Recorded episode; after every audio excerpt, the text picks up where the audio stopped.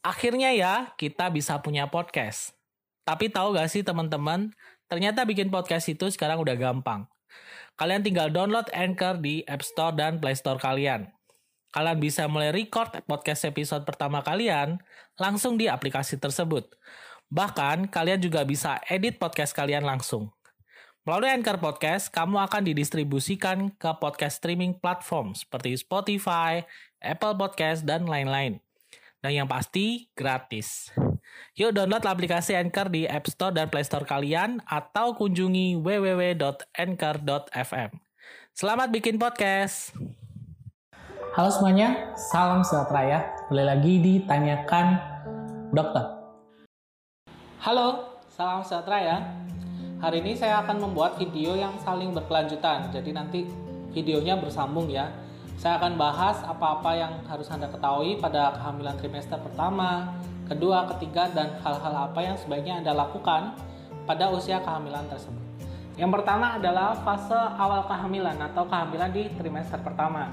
Nah, biasanya ini ibu akan sering mengalami yang namanya mual muntah, kemudian makan jadi nggak enak, ibu sering mengalami kembung perutnya, sering mengalami sembelit, BAB-nya tidak lancar, dan juga sering mengalami sering kencing karena rahim sudah mulai membesar menekan kandung kemih. Biasanya ini ibu merasakan fase-fase tidak nyaman pada saat kehamilan karena ada perubahan hormonal, tubuh masih berusaha menyesuaikan. Nah, ini ada pertanyaan cukup unik kemarin. Dok, saya sudah telat haid, saya mau tes pack, saya mau USG, kok saya takut ya? Saya takut kalau hasilnya mengecewakan. Ini sebenarnya kurang pas juga. Ibu wajib melakukan tes pack jika haid Anda telah telat. Jadi Tes pack ini sebenarnya deteksi yang dini. Harganya juga murah, Anda bisa beli di apotik. Paling harganya 5.000 sampai 15.000, ada yang lebih mahal. Jadi pemeriksaan ini penting karena untuk tahu apakah ibu hamil apa tidak. Kalau misalnya tidak, ya nggak apa-apa. Berarti Anda belum hamil, Anda masih bisa berusaha dulu. Tapi kalau misalnya hasilnya positif, Anda bisa langsung memeriksa kandungan. Jadi ibu jadi bisa mengerti, oh ternyata saya hamil, saya nggak boleh ini, saya nggak boleh itu. Jadi bisa lebih menjaga diri. Maka dari itu sebaiknya lakukan tes pack kalau anda sudah telat haid. Nah kemudian kalau misalnya sudah telat haid sudah di tes pack hasilnya positif segera lakukan pemeriksaan USG biasanya ibu akan melakukan kunjungan ke dokter kandungan bisa usia kehamilan mungkin dua atau tiga minggu setelah anda telat haid setelah tes packnya positif anda bisa melakukan pemeriksaan USG USG pada kehamilan pertama di trimester pertama ini penting yang pertama adalah untuk mengetahui apakah Anda benar hamil atau tidak. Karena banyak tes pack yang positif ternyata tidak hamil. Maka dari itu perlu dikonfirmasi dengan OSG. Nanti dilihat apakah kantung kehamilan ada di dalam rahim atau di luar rahim. Ini juga fungsi yang kedua karena kalau misalnya di luar rahim tentunya ini berbahaya. Ibu harus segera ditangani. Atau juga untuk melihat apakah janinnya berkembang, embrionya bertumbuh dengan baik atau tidak. Karena ada kasus seperti hamil tidak berkembang atau hamil kosong, ini juga bisa dideteksi.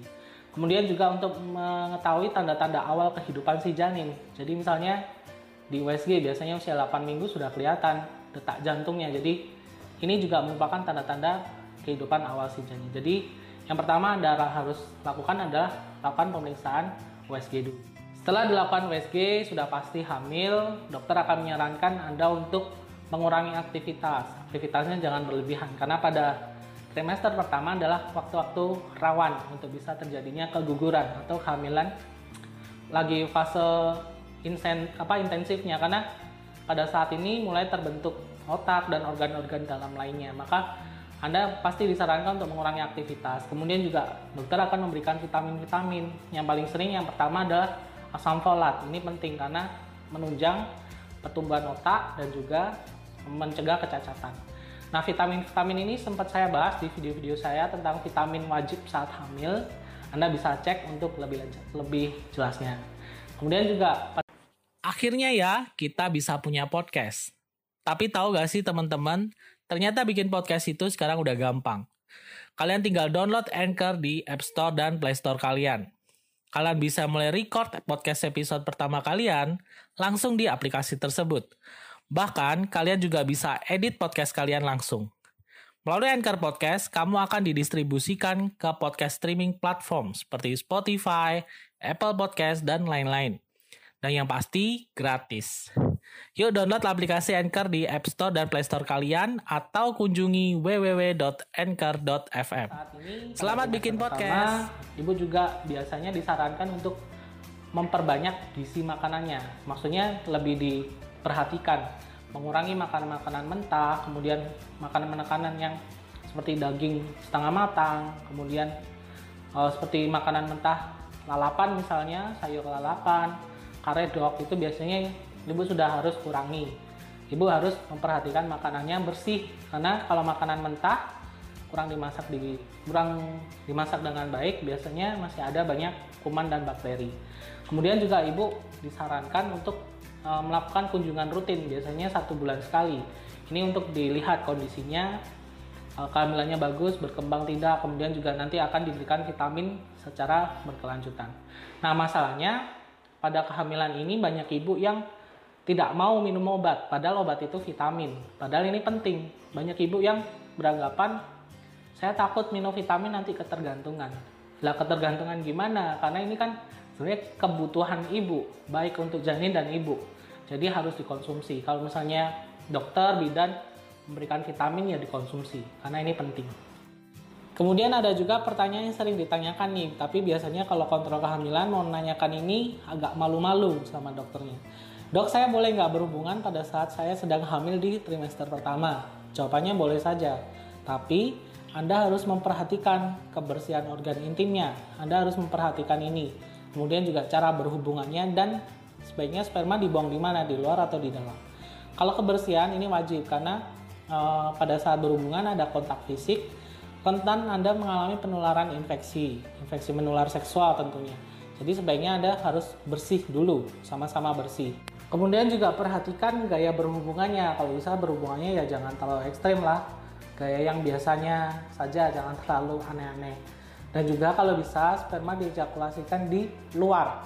Kenapa di luar? Karena gini, sperma itu bisa memicu terjadinya kontraksi dan juga penipisan mulut rahim. Jadi tidak jarang kalau misalnya ibu habis berhubungan pada saat hamil, biasanya perutnya jadi kram, tidak nyaman di perut bagian bawah. Maka dari itu kalau saran saya, kalau berhubungan, sperma diejakulasikan di luar. Atau kalau amannya lagi sebagai proteksi juga, seperti penjelasan saya tadi, gunakan kondom kalau mau berhubungan. Semoga bermanfaat. Sampai ketemu lagi.